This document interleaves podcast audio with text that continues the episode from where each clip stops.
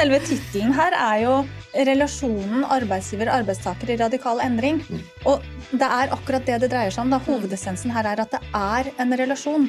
Og det å ta det inn over seg og bygge den relasjonen og ha et bevisst forhold til hvordan forvalter jeg mine medarbeidere, sånn at jeg kan sette meg selv og min egen virksomhet i stand til å møte framtiden. Mm. Hva trenger jeg å gjøre som virksomhet mm. i hvordan jeg bruker eh, tid og krefter på medarbeiderne mine, sånn at vi sammen kan realisere våre strategiske mål. Velkommen til en ny episode av I loopen. Podkasten som gir deg inspirasjon og læring for å holde deg i loopen på jobb. Og i dag så skal vi snakke om det at uh, vi vet jo alle at arbeidslivet er jo i kontinuerlig endring, og det året som har gått, har jo vært helt utenom det vanlige. Og da ekstra spennende så nærmere på hvordan organisasjoner bør tenke om framtiden. Mange har jo vært i liksom, overlevelsesmodus, men hvor skal man nå? Og hvilken vei er den menneskelige delen av virksomheter på vei? Eh, det er det vi skal snakke om i dag. Hvordan ansattes forhold til jobb vil være i framtiden, og hvordan organisasjoner bør forberede seg. Eh, og vi kommer jo med en årlig rapport som ser inn i krystallkula om hvordan eh, virksomheter forholder seg til sine ansatte. Og for å snakke om dette, så er vi heldige å ha med oss deg, Marte Westgård Andresen. Du er leder i området Workforce Transformation på så utrolig godt norsk. Og du er også utdannet lege, egentlig, og jobber mye med offentlige virksomheter. Workforce transformation, eh, Marte. Bare superkjapt, hva, hva, legger vi i det? Hva legger vi i det, ja. ja. Nei, det handler jo om rett og slett hvordan medarbeiderne i en organisasjon tar imot og forholder seg til, og forhåpentligvis klarer å endre seg i takt med framtida, og hvordan arbeidsgivere eh, hjelper sine medarbeidere til å klare det skiftet. Ja, kult. Så er vi tett kobla sammen med change også, som er litt lettere å forstå. Det er alt som har med endringsledelse å gjøre, og de to går jo egentlig hånd i hånd. Ja, ikke sant. Eh, og dette er da en del av konsulting- eller rådgivningsdelen av eh, Deloitte. Eh, og så, ved siden av deg, sitter Halvor Moen. Hei, Halvor. Hei. Du, er, eh, du er leder for eh, bransjen Consumer. Stemmer. det. Ja. Og hva, hva, kan vi si på norsk til det? Produsenter og handel. Ja, ikke sant? Ja, vareprodusenter og handel. Jobbet med mye private kunder, inn- og utland, i en årrekke. Hvor mange år har du vært eh, igjen i Deloitte? Jeg har vært i Deloitte i over 26 år, så det er den eneste arbeidsplassen min. Så sånn sett så er jeg jo en uh, raring, og sikkert et eget, vært et eget studie for Marte. Så husnisse? Husnisse, kan kalle det det. Kan kalle det det.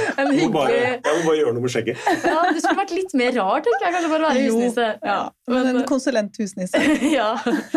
Men Skjønner. Marte Halvard, før, liksom, før vi dykker ned i materien her Hvorfor er det temaet vi skal snakke om i dag? Hvorfor tenker dere at det her er viktig? Halvor? I hvert fall de kundene vi snakker med, og jeg er med å snakke med, så er det, det er ingen som ikke er opptatt av hvilket forhold de skal ha til sine ansatte fremover. De, for 18 måneder siden så måtte de helt endre hvordan de samhandlet med sine ansatte. Enten de ansatte satt på kontor, de jobbet i fabrikk, kjørte varer, handla var på lager. Uansett så måtte man finne en annen måte å interagere mellom arbeidsgiver og arbeidstaker på. Og nå lurer de hvordan skal vi gjøre dette fremover. Hvilke vaner er det vi har fått som vi ønsker å beholde? Hvilke vaner er det vi har fått som vi ønsker å avlære oss å endre? Mm. Alle snakker om dette. Og Marte? Jeg, jeg, er helt uh, enig med Halvor. og mm. uh, Det er jo det rapporten vår handler om også, er at uh, arbeidsgiver- og arbeidstakerforholdet har vært i radikal endring gjennom det siste halvannet året og vil fortsette å være det. Og I kombinasjon med det vi ser av den digitale teknologiske utviklingen og samfunnsutviklingen, så betyr det at her må vi rett og slett omstille oss alle sammen. Både ledere og medarbeidere og støttefunksjonene i enhver organisasjon. Um, fordi ting kommer til å være veldig annerledes framover enn det de er nå. Ja, ikke sant. Mm. Um, men så det tenker jeg at vi kan dykke ned. Og, men si litt kjapt først, Martha, om liksom, hvorfor er det vi skal stole på denne rapporten. For det er jo ganske mange timer eh, globalt sett kan vi si da, som er gått med i denne, og mange mennesker. Mm. Det er det absolutt, og dette er jo det ellevte året denne rapporten eh, gis ut. Mm. Og de siste tre årene så har hovedfokuset egentlig ligget på den sosiale eh, virksomheten.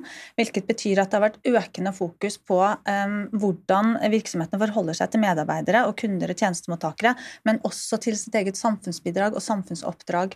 Det er det vi mener med den sosiale virksomheten? Ja, det er det vi mener med den sosiale virksomheten. Og, og denne rapporten går ut, altså undersøkelsen går vanligvis ut til mange tusen medarbeidere og ledere over hele hele verden.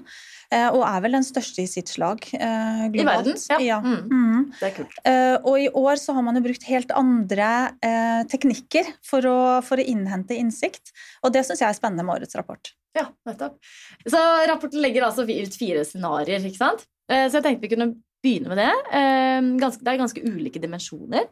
Så handler det, er først en motsetning, men kanskje du vil si litt innledningsvis også om hvorfor man egentlig bruker scenarioer, og liksom hva som er ja, det peker egentlig tilbake på det Halvor sa innledningsvis. Altså, tidligere så har det vært enklere, tror jeg, for ledere og, mm. og medarbeidere å spå i framtida. Eh, gjennom pandemien så har vi enda flere usikkerhetsfaktorer, og nå i utgangen av den, i hvert fall her i Norge er vi på vei ut av den, eh, så ser vi at det øker på. Så det å skulle spå hvordan framtida blir nå, det er mye vanskeligere enn tidligere. Og rapporten tar utgangspunkt i to dimensjoner hvor den ene dimensjonen går på om man har tilgang til talent og den kompetansen man trenger i virksomheten eller ikke. Eh, og den andre dimensjonen går på i hvilken grad eh, nasjonale myndigheter i det landet som, eh, som man befinner seg, lager mye eller lite føringer for, for virksomhetene. Og her i Norge så har vi jo ganske mye føringer fra nasjonale myndigheter, og også gode føringer fra nasjonale myndigheter, men det er jo ikke likt i alle land. Nei, ikke sant. Nei, nettopp. Mm. Så, så opplever jeg, Martha, at de scenarioene de, de, tegner jo et fremtidsbilde, mm. men eh, for oss som har jobbet en stund, så er det, hvis vi titter bakover, så er det jo scenarioer som vi har opplevd. Absolutt. Så, så det, er, det, er, jo både en måte å se inn i framtiden på med den teknologien og de forventningene dagens arbeidstakere har. Mm. Samtidig, så når jeg leste rapporten, så, så tenkte jeg ja, disse situasjonene har vi opplevd før. Ja, I ulike epoker, liksom. I ulike epoker, ja. Men med andre arbeidstakere og andre forventninger. Sånn at så det er, det er, sånn sett en, en nyttig måte å, å, sette mange år med erfaring inn i en sammenheng på også. Så sånn sett så syns jeg, som ikke en, en fagperson, at det var artig og relevant lesing lesning, og spennende lesing. Så, så, det er verdt å ta en titt. Mm. Ja. Det er jeg enig i. Um, og så er det jo også sånn at man kan uh, kjenne seg igjen i, i, disse scenarioene og tenke at dette treffer en del av min virksomhet, men så er det et annet scenario som kanskje treffer en annen mm. del av min, min virksomhet. Og dette scenarioet gjelder akkurat nå, men for bare noen få måneder siden så var det dette scenarioet som gjaldt. Så det, det, er jo ikke sånn at, at, man er i en konstant situasjon her.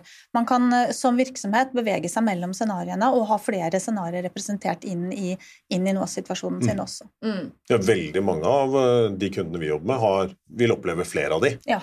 Altså, du har eh, enkelt type spisskompetanse som du ikke har tilgang på, og så har du annen type kompetanse som det er ganske grei eh, tilgang på. Og så må du som, som virksomhet og arbeidsgiver klare å sjonglere de forskjellige hensynene, og, og, kanskje forholde deg til i, altså Arbeidstakerne vil si at de er ganske like, men vi som arbeidsgiver vil tenke nei, dere er nok egentlig ganske forskjellige. Og så må vi klare å balansere de hensynene.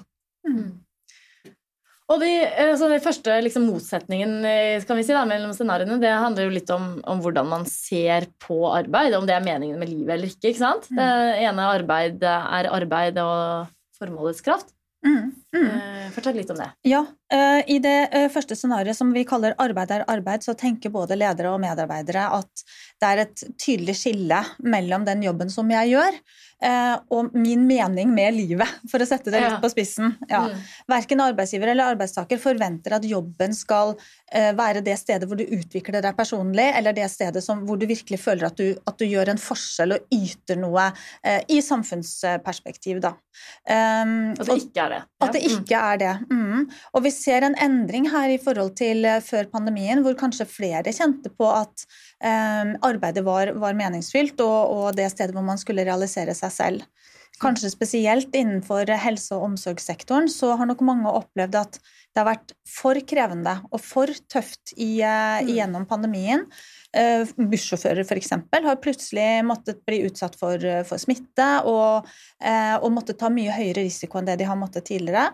Og ikke minst så har jo mange kontormedarbeidere vært på hjemmekontor mm. og opplevd at, at, arbeidsplassen virkelig har invadert hjemmet, og mm. skillet mellom privatliv og arbeid har vært veldig vanskelig å opp, Eh, opprettholde.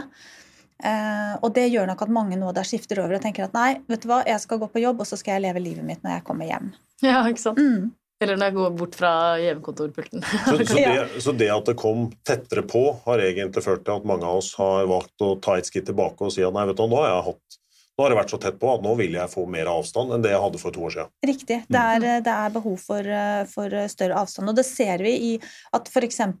virksomheter rapporterer at det er flere som tar mer permisjoner, eller ønsker seg mer permisjoner. Mm. Det er mindre eh, innsatsvilje i forhold til overtid, kanskje. Eh, vi ser at det er litt sånn økt eh, deltakelse i ideelle organisasjoner på fritida, mens man kanskje deltar mindre i sosiale sammenhenger på jobb. Ja, eh, selv om det er mitt, ja, ok. Ikke sant? Ja. Og, og, og, det er litt uh, rart å tenke på, for mange av oss tenker jo at åh, nå kan vi endelig komme tilbake til ja. jobben, og jeg skal i hvert fall være med på lønningspilsen nå! Mm. Uh, men det ser vi ikke overalt i verden, ikke globalt, og heller ikke innenfor alle, um, alle sektorer. Men kan man, liksom, man har fått kollegaene litt på avstand, da, så man kanskje ikke føler seg som man var så nære som man var før, eller? Ja, kanskje det òg, at det er en, komp en komponent av liksom sosial distansering mellom kollegaer, og at mm. relasjonene har jo blitt satt litt på prøve. Ja. Så som arbeidsgiver så må vi da sette opp med arbeidsgiverhatten, mm. så må vi da um, jobbe for å sørge for at alle blir bedre kjent igjen. da. I hvert fall vi som er kontorbaserte. Altså, mm. Har jeg jobbet i butikk eller hvis jeg har jobbet på lager, så tror jeg, tror jeg vi langt på vei har kommet tettere sammen fordi vi har stått sammen i en, i en ganske krevende situasjon. Vi har hatt en felles utfordring og en felles formål. Mm. Uh, mens har jeg jobbet på kontor, og jeg, jeg har jo jobbet nå med kunder som jeg aldri har truffet fysisk. Ja, ikke sant? Mm. Det hadde du sagt til meg for 18 måneder siden at eh, det skulle være sånn, så ville jeg tenkt at det er helt utenkelig. Mm. Altså, jeg ville sagt, sagt at det kommer aldri til å skje. Mm. Eh, og nå er det siste ja, Spesielt tolv månedene så har jo det vært regelen eh, heller enn mm. unntaket. Og nå må vi finne nye former å, å, samhandle på, nye former å bli kjent på. Og Det gjelder jo kollegaer også. antar jeg. Mm. Ja, ikke sant? Og Det bringer oss egentlig over til dette nye formålet i fokus. da.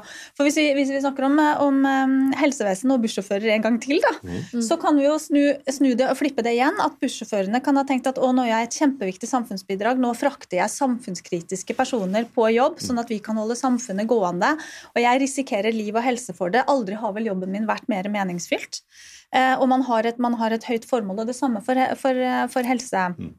helsevesenet, og at eh, Aldri har det vel vært viktigere at jeg kommer meg på jobb enn nå. Sant? Men også butikkmedarbeidere som, eh, som kjenner på at nå, det, nå har det vært viktig for oss å holde samfunnet åpent. Restaurantfolk mm. kanskje kjenner at å, nå trenger folk virkelig å få komme seg ut på restaurant, og vi skal holde smittevernreglene, mm. og dette er veldig meningsfylt. Mm. Så, så, så, den andre siden av dette er jo formålets kraft at det at man har et felles formål, arbeidsgivere og arbeidstakere har et felles formål, et felles samfunnsbidrag, noe som man virkelig skal yte og få til sammen, eh, har blitt enda mer forsterket gjennom pandemien. Og man har kanskje oppdaget at den lille jobben jeg gjør, har en stor betydning i, i den store sammenhengen. Da. Men hvordan er det da at vi tenker at noen organisasjoner går i den retningen at jobb er jobb, liksom, og noen går med det sånn ja, her har vi en stor mening, dette er meningen med livet, liksom? Eller er det kombinasjon innad i en organisasjon, eller hvordan er det liksom, dette er mulig at vi kan se trender på begge to? Liksom? Det kan være begge deler, og det kan gå mm. helt ned på individnivå. Så her tror jeg det er viktig at virksomhetene klarer å ta sin organisasjon på klingen mm. og lese disse signalene som vi var, som vi var inne på tidligere. Mm. Um, mm. Ok, Så man liksom bruker dette som et eh, slags sånn diagnostiseringsverktøy for ja. å finne hva er det som egentlig rører seg hos meg? Ja, det synes jeg er en god måte å si det på. Ja, og så tror jeg dette setter Jeg tror det setter ord på noe som veldig mange av virksomhetene der ute har, har prøvd å forstå de siste seks månedene. Hvordan kommer verden til å være, og hvordan kommer arbeidsplassen min til å være og virksomheten jeg leder til å være etter at pandemien er over. Mm. Og jeg synes De scenarioene og de, det du beskriver, Marte, det, det setter ganske, ganske, godt ord på de utfordringene, men også de mulighetene eh, vi har, og, og de forventningene som arbeidstakerne stiller til, eh, til arbeidsgiveren sin. Mm. Og, og, de, altså Våre kunder og, og de vi snakker med, de er helt nødt til å ta disse forventningene på alvor. Eh, fordi det er mer enn nok av virksomheter der ute som gjør det. Mm. Og, og det, tror vi, det, tror jeg vi, ser også når det gjelder uh, turnover, at uh, i virksomheter som ikke klarer å, å ta det på alvor, så, så ser medarbeiderne som etter nye muligheter. Ja, ikke sant. Mm, mm. Men det er vel mye lettere på en måte for en arbeidsgiver hvis, det, de, hvis de fleste ansatte hos deg kjenner mest på den der formålets kraft. Altså kjenner at 'dette er det jeg brenner for, dette er livet mm. mitt'. Det er jo en lettere situasjon å være i, ville jeg tenkt. Jo, absolutt, men samtidig så kan det jo eh, bli litt krevende også. fordi at ah, ja. det kan jo gjøre at virksomheter eh, tar litt råsjans og, og um, gjør en liten grønnvasking, kanskje. Uh, og tenker at det, uh, Jo, at man um, ikke sant? Det er viktig for oss med klima- og miljøspørsmål. Vi får ikke ansatt medarbeidere hvis ikke vi har det som, som et av våre viktigste formål her i, her i verden. Så da fronter vi det. Sånn, og så kan det bli vanskelig mm. å bli troverdig som, som, arbeidsgiver i, i den agendaen.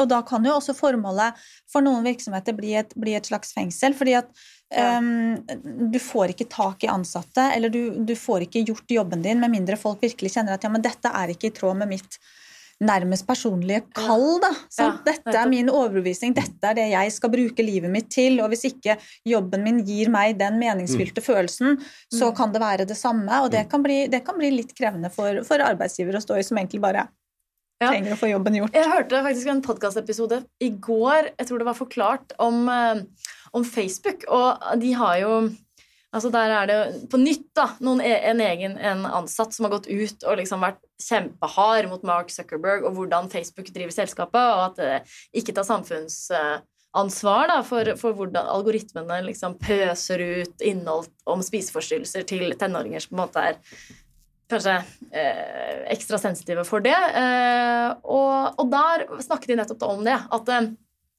for Facebook så kan det, det at, eh, at ansatte kanskje ikke ønsker å jobbe i Facebook fordi Facebook ikke tar samfunnsansvaret sitt, kan mm. være kanskje måten Facebook ikke Altså at de liksom eh, forsvinner sakte, men sikkert fordi de ikke får tak i de beste ansatte. Mm. Mm. Riktig. Så det å hvis du, hvis du, er en arbeidsgiver hvor, som befinner deg i det scenarioet formålet eh, som kraft, så blir det enda viktigere enn for kanskje noen andre at du er troverdig mm. og realistisk i hvordan du formidler formålet ditt, og hvordan du kalibrerer formålet opp mot det, det du skal ha gjort i, mm. Eh, i virksomheten. Mm. mm. Og jeg opplever jo at innenfor f.eks. konsumerbransjen så, så er man jo både opptatt av å tydeliggjøre hva er hovedformålet vårt? Altså hvilke kunder er det vi betjener, og hvordan betjener vi de kundene? Og det er gjerne et hovedformål. Og så har man ofte et tilleggsformål som er, er, sier noe om hvordan skal vi gjøre det. Der kan bærekraft uh, komme inn, det kan være hvordan skal vi ta vare på våre ansatte. Så du har, noe, du har noe i tillegg til hovedformålet, men veldig mange er jo mye tydeligere nå, oppfatter jeg, på hvorfor er vi her? Hvilken rolle spiller vi i samfunnet? Ja. Mm. Som er noe annet kanskje enn når du tenker purpose og tenker bærekraft mm. og altså det, det, at man skal gjøre noe godt også. Og, og, jeg tror virksomheter trenger å gjøre begge deler. De trenger å være tydelige på hvilken rolle skal de spille i samfunnet, og hvordan skal de spille den rollen. Mm. mm. Kan du komme på noen eksempler, Halvor, av noe du liksom tenker stikker seg ut på de um, retningene som Marte snakket om? Altså, et, et eksempel som for meg ble veldig tydelig i pandemien, er dagligvarehandelen og rollen de tok på seg med å holde hjulene i samfunnet i gang. Det var hamstring rett etter 12. mars. Man gikk ut og var veldig tydelig på at vi har vareforsyning, og du kan trygt stole på at det kommer til å være alle typer varer tilgjengelig i våre butikker. Og vår rolle er å sørge for at mens dere kjemper for å holde hjulene i gang, så skal vi sørge for at det er mat og dagligvarer og de basale tingene tilgjengelig i butikkene. Og, og det tror jeg gjorde veldig mange av oss veldig mye mer bevisst på hvilken rolle dagligvare spiller i det norske samfunnet. Mm. Og jeg tror at de som jobbet i dagligvarebutikken, ble også mye mer butikken er, ble også mye mer bevisst på hvilken rolle de faktisk spiller i samfunnet. Man, jeg tror mange av oss så på de ansatte i nærbutikken på en annen måte mm. etter det. og Jeg tror vi fortsatt gjør det, og det, mm. det, det tror jeg er veldig sunt. Ja. Mm. Så det er i hvert fall ett mm. eksempel for ja. meg på, på, hvordan man både samfunnet generelt og virksomheten bevisstgjorde hverandre på hvilken rolle de spiller. Ja, ikke sant? Mm. Og, og, det er jo et kjempepotensial som ligger der, tenker jeg, for uh, arbeidsgivere mm. i å synliggjøre ja. dette samfunnsbidraget og koble det hver enkelt gjør i sine små daglige arbeidsoppgaver, opp mot det litt større bildet. Da. Ja. For de fleste av oss liker å, å, se oss selv i den store sammenhengen og føle at vi er del av et, av et fellesskap, og, og, og, her i Norge et veldig velfungerende samfunn. Mm. Um, så, mm. Er det noen flere liksom, råd som du vil trekke fram, Marte, for virksomheter som vil liksom, oppleve disse eh, diagnosene her? altså arbeid, er arbeid eller formålskraft? Du var jo litt inne på det. Ja, jeg Ja. tenker at uh, hvis man befinner seg i det scenarioet arbeid er arbeid, så er det mange grep man kan ta. Bare for Eh, å minne på lytteren, altså det er da at man kjenner på at eh, jobben, er bare, jobben er jobben, og jeg gjør eh, mer meningsfulle ting på fritiden, liksom. Mm, Mm. mm. Eh, og og den, liksom den instinktive responsen, eller ryggmargsrefleksen for en virksomhet som befinner seg i, i det scenarioet, er jo egentlig bare å fortsette å, å, å, gjøre in ingenting. Uh, fordi at det er jo ikke meningen at, at jobben skal være, uh, skal være noe annet enn en jobb for deg. Men vi tror at det er viktig, og, og rapporten viser også egentlig at det er viktig å, å komme seg videre derfra inn i en situasjon hvor man kanskje kan skape blomstring og vekst uh, ut av dette. Da. Og for å komme seg dit, så kan man eh, innføre nye måter å jobbe på, eh, sørge for god og riktig kompetanseutvikling for den enkelte, gå i dialog og diskusjon rundt hva er det som gir jobben mening for deg, ha den gode samtalen mellom arbeidsgiver og arbeidstaker for å prøve å, å, å avdekke um, hva er viktig for deg å få utrettet her i livet uh, som medarbeider, og hvordan kan jeg som arbeidsgiver lete etter muligheter for at du kan få, få koble deg på uh, en jobb hos oss som gjør det mulig for deg både å vokse og utvikle deg faglig uh, og, og med dine talenter, men også um, å se at jobben du gjør, er viktig i den store sammenhengen. Mm. Så det å innlede en sånn dialog er, er viktig hvis man befinner seg i det scenarioet. Ja, jeg tror det å, å tro at selv om de ansatte ser på hverdagen sin som arbeid er arbeid, at man som arbeidsgiver ikke kan ha en aktiv forhold til eh, hver enkelt ansatt og ansattgruppen og sørge for at den opplevelsen de har når de går på jobb, er så god som overhodet mulig, og, og at de opplever en utvikling. Enten du jobber på kontor, er mellomleder, leder eller kjører trøkk på lageret. At du, at du får en utvikling og en tilfredsstillelse også mens du er på jobb. Mm. Det, for da får du den energien du trenger og ønsker til å realisere deg selv Mm. parallelt med jobben. Mm. Og hvis du ikke får det, ja, så begynner du å lure på hvor kan jeg gå hen for å få den energien. Så, så det å ha et aktivt forhold til hvordan hver enkelt, opp, hver enkelt arbeidstaker opplever å ha det på jobben, det, det oppfatter jeg at alle virksomheter er nødt til, uansett hvilket av de scenarioene de Ja. befinner seg i. Ja. ja, Ja. Ja. Enig. Eh, Men også på det relasjonelle planet. Mm. ikke sant? At du som arbeidsgiver bygger en relasjon til dine medarbeidere, og sørger for å, å kanskje fasilitere de, den gode relasjonsbyggingen mellom medarbeidere også. Ja, ikke sant. Mm. Mm. Mm. Lønningspilsen som vi snakket om, Ja, for eksempel. Ja. Mm. Mm. Men å kanskje lytte til folka dine og dra i gang de sosiale tiltakene som faktisk gjør en forskjell for de, og som gjør at de får lyst til å komme. Ja, Mm. Og på formålets kraft, da? Er det noe helt annet eh, man må tenke der? Altså, jeg tenker jo Mange av disse tingene er jo kanskje viktige også der, men ikke like viktige Eller kanskje ikke like mye Du må, må kanskje ikke bruke tid, like mye tid på det, eller? Jeg tror at uh, det blir vesentlig å passe på at ikke du får det, det overslaget, at det ligger en forventning hos hver enkelt medarbeider om at, om at jobben er det stedet hvor jeg skal få mitt livskall oppfylt. Ja, ikke sant? Ja. Og få den gode kalibreringen av forventning der. Ja, Ja. nettopp. Ja. Mm. Mm. Det kan nok være Noen vil, vil ha behov for det. Ja, ikke sant. Eh, sånn at hvis du ikke føler at eh, Ja, jeg får faktisk ikke reddet liv på jobb, på en måte, ja, da kan jeg engasjere meg i Røde Kors da på fritiden, liksom. Man kan ikke ha for, for høye forventninger til eh, i hvert fall kontorjobben sin, kanskje, på sånne ting. Ja, men samtidig så må jeg jo understreke at eh, det vi hele tiden har diskutert her, er jo hvor viktig samfunnsbidraget faktisk er for både virksomheter og hver enkelt medarbeider Ja. nå, og vil bli det videre framover også. Så, så jeg tror det skal litt til at du kommer til det overslaget som jeg snakka Ja. om i stad. Ja. Ja. Mm. Jeg tror de aller fleste har en del å gå på fortsatt.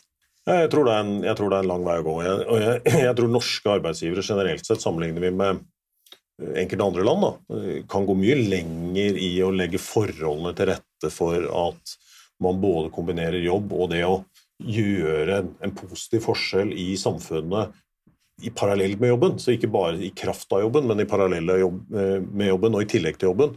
Men iscenesatt og tilrettelagt av arbeidsgiver. Mm. Og, og der Jeg tror ikke det er altså Jeg tror alle norske virksomheter kan ta betydelige steg i den retningen. Jeg tror ingen av oss uh, gjør en tilstrekkelig god nok jobb der. Og så La oss hoppe inn i liksom den andre motsetningen. da. Sånn arbeid som mote er vel det vi kaller det, og kamp mellom talenter. Liksom bare litt kjapt om, om det, Marte. Ja, arbeid som mote er jo et litt sånn fiffig begrep. Hvor kommer det fra? Men jeg syns, jeg, når, jeg syns, faktisk det er en ganske god analogi, da. Eh, fordi den, eh, den, beskriver egentlig eh, relasjonen mellom arbeidsgiver og arbeidstaker litt som relasjonen mellom et et type motehus eller moteindustrien og forbrukeren. Eh, hvor moteindustrien ja. hele tiden eh, løper etter forbrukeren med nye siste fashion, eh, siste klesplagg. Det er ikke sikkert det kan vaskes engang, men, men, men hvor det er en sånn kontinuerlig tørst etter nye ting som, som man holder ved like ved å stadig vekk pushe nye ting på, på, på forbrukerens tilsynelatende behov. da.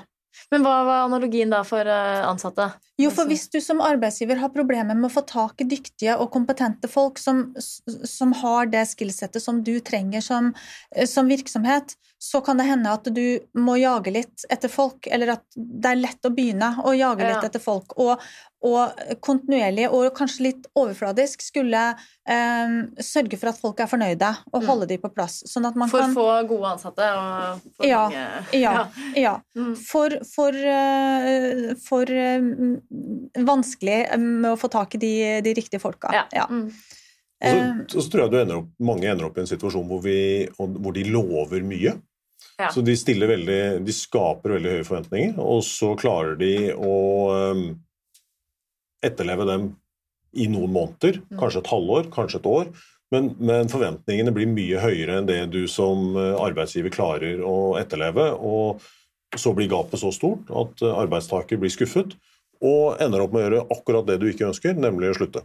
Mm. Så, så det, er, det, er, noe med å og det gjelder jo flere av disse scenarioene. altså Våge å tenke langsiktig. Mm. oppfatter jeg er helt et helt underliggende budskap i alle de fire scenarioene. Ja. Forstå hvor du befinner deg. Tenk langsiktig, og så legg en langsiktig strategi som skal ikke si stå ved den last og brast, men, men i hvert fall vit hvilken retning du ønsker å gå, og så hele tiden gjør små justeringer, sånn at du går på riktig vei mm, mm. mot den retningen du har satt. Ja, ja. Og, og, og, tør å bygge en langsiktig og bærekraftig relasjon til, mm. til, dine medarbeidere. Tør å satse på god kompetanseutvikling.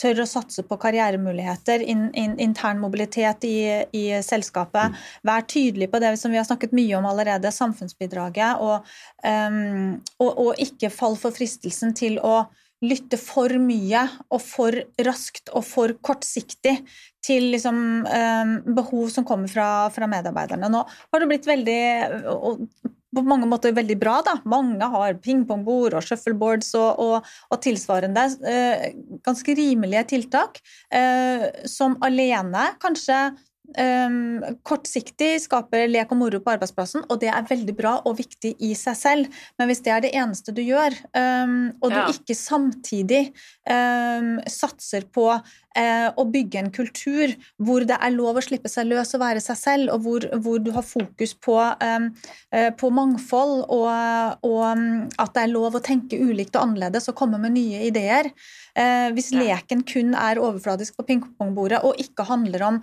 den gode kulturen som, som skaper mm. rom for utvikling og vekst, så, så, kan det hende at du trenger å justere kursen litt. Ja, ikke sant? Så kanskje man bare blir eh, et år for å bli god på pingpong, og så var det ikke så mye mer spennende å utvikle seg i ja, virksomheten, da, for ikke eksempel. Sant? Og så har du spilt pingpong noen, noen, ganger, og så trenger du, du trenger mer som, som arbeidstaker, da. Ja. Ja. Mm. Du trenger et klima hvor det er lov å prøve seg fram, og hvor det er lov å feile, og, mm. og Eh, og hvor det er rom for å, for å bryne seg, og hvor mm. du får utvikla deg som, eh, som, individ. Ja, så for, for, noen så vil det være sånn altså kamp om talenter, at det er få, få gode ansatte. Men andre siden så ser vi også at man kan, noen virksomheter kan oppleve det motsatte. Ja, ja. altså, hvor det kan være kamp mellom talenter, ja. ja. og hvor det rett og slett er uh, for mange om beinet og for få jobber. Mm. Uh, og, og, hvis du befinner deg i det scenarioet, så, så, kan du som, som, arbeidsgiver nesten få en slags form for kynisme mm. overfor dine medarbeidere. Uh, medarbeidere er lett å finne, de er lett å erstatte. jeg investerer ingenting. Jeg tenker på, på, medarbeiderne mine som en slags vare, en hyllevare som jeg kan, som jeg kan plukke og velge, og, og, som jeg ikke trenger å investere noen ting i. For hvis en faller fra, så får jeg jo bare en ny en. Mm. mm. Mm. Er det noen steder vi ser det, i motsetning til andre? Altså, ser vi noen sånne generelle trender? Og hvem som vil oppleve det ene versus det andre?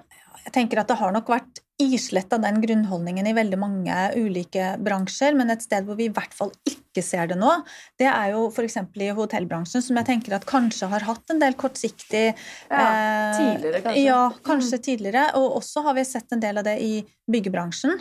Eh, men i, begge de bransjene nå så ser vi jo at det er krevende å få tak i, i god arbeidskraft, og pendelen har kanskje svingt litt i den Hvorfor andre det, egentlig? Er det fordi de har eh, for Norges del dratt til Sverige?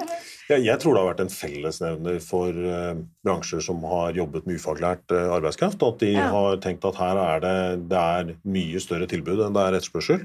Mm. Uh, og, og så har vi nå opplevd en periode hvor det har endret seg dramatisk. Mm. Så tror jeg òg at de siste fem til ti årene så, så har fokuset på å ta vare på den enkelte medarbeider, enten det er en faglært eller ufaglært medarbeider, det har økt betraktelig. Sånn at en del av eksemplene våre er ofte, tror jeg, fem til ti år gamle. Men så dukker det opp enkelthistorier eh, nesten, si, hver eneste jordbærsesong eh, som overrasker oss. Ja, og? Mm. det, det dukker opp enkelthistorier når eh, man eh, Altså i sommersesongen, når man tar inn sesongarbeidet på hotellene også, så, så det, er alltid, det er alltid noen arbeidsgivere som faller for fristelsen av å bli kortsiktig. Og, og heldigvis, tenker jeg, så er- lever vi nå i et samfunn hvor det ofte blir synliggjort, og hvor de arbeidsgiverne de taper på det hver eneste gang. Mm. Og, og det tenker jeg er en positiv utvikling. Mm. Ja, at, eh, at de får eh, lært seg det. Ja, At det ja og, ikke- og at uh, du det, det lønner seg ikke i det hele tatt. Altså, det er veldig veldig kortsiktig, og det fremstår vellykket i noen uker. Men du må det er andre måter du må hente marginer på enn å um, ha et arrogant forhold til medarbeiderne dine og ikke gi dem ordentlige arbeidsforhold. Mm. Mm. Ja, da får man endre litt på forretningsmodellen sin. i Ja, så fall. Det er anbefaler. ja. Ja, Er det noen fellestrekk, da? Altså, nå har vi snakket litt om de ulike scenarioene. Hva er det som vi kommer til å se uansett? Eh, Er det noe som dere tenker kommer til å være annerledes i årene som kommer? Jeg synes Du var inne på det litt tidligere, Halvor. En av de aller viktigste tingene er dette med samfunnsbidraget, mening og, og læring og utvikling. En annen ting som vi også har sett komme nå i pandemien, som vi så vidt har berørt, er dette med well-being og type work-life balance og det å kunne ivareta og hjelpe sine medarbeidere til å ha en, en bærekraftig arbeidshverdag. Og jeg tror at det Mm. blir bare viktigere og viktigere framover, da. Eh, NHO har gjort en undersøkelse for en liten tid tilbake som viser at over 30% av, eh, av eh, virksomheter i privat sektor nå har en eller annen tilknytning eller eierskap i, i utlandet. Og I Norge så har vi hatt den norske modellen, et veldig sterkt og godt samarbeid mellom arbeidsgiver, arbeidstaker og, og, og styringsmaktene for å, for å få til den gode balansen og for å få en god ivaretagelse av, av medarbeidere. Og, eh, og, og det ønsker vi jo at skal, skal fortsette. Men vi ser jo nå at det er også behov for andre ansatt- øh, og medarbeiderrelasjoner rent formelt sett.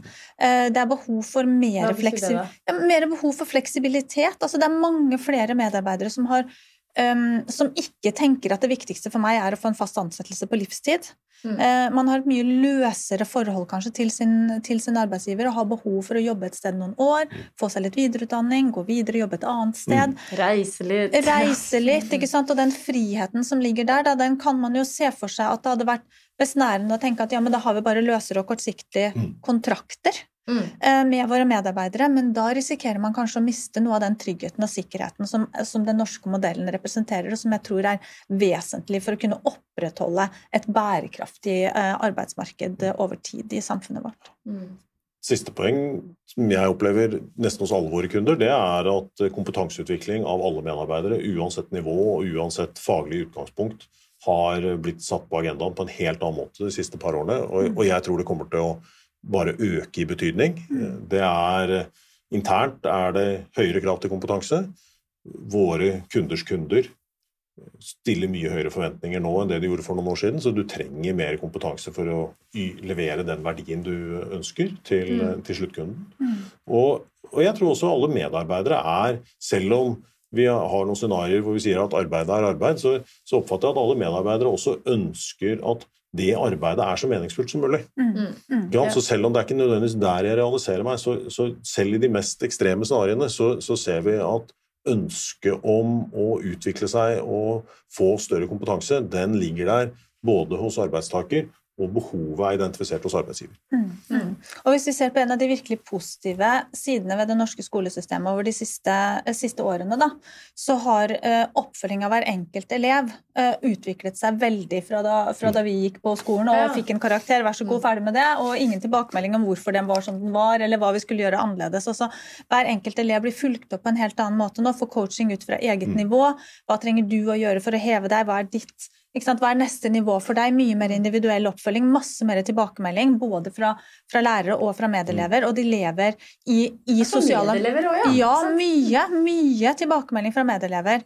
Um, og, det var det andre på skolen da vi gikk der. Nei, ikke sant? Ikke, ikke, sant? ikke noe særlig. Ikke noe særlig. Men det betyr at du, du, kommer ut av skolesystemet med en forventning om å få tilsvarende oppfølging ja, og coaching og tilbakemelding på hvordan du skal forbedre deg og utvikle mm. deg. Og det må vi som arbeidsgivere ta inn over oss, og det er en utrolig utrolig flott ting, men det stiller høye mm. eh, krav til oss mm. um, som, som, ledere mm. i hvordan vi følger opp våre, våre, medarbeidere. Og sikkert krever ganske mye av lærerne, tenker jeg. Stakkars lærere har sikkert fått, uh, har ikke fått mindre å gjøre, i hvert fall når de skal gjøre det òg.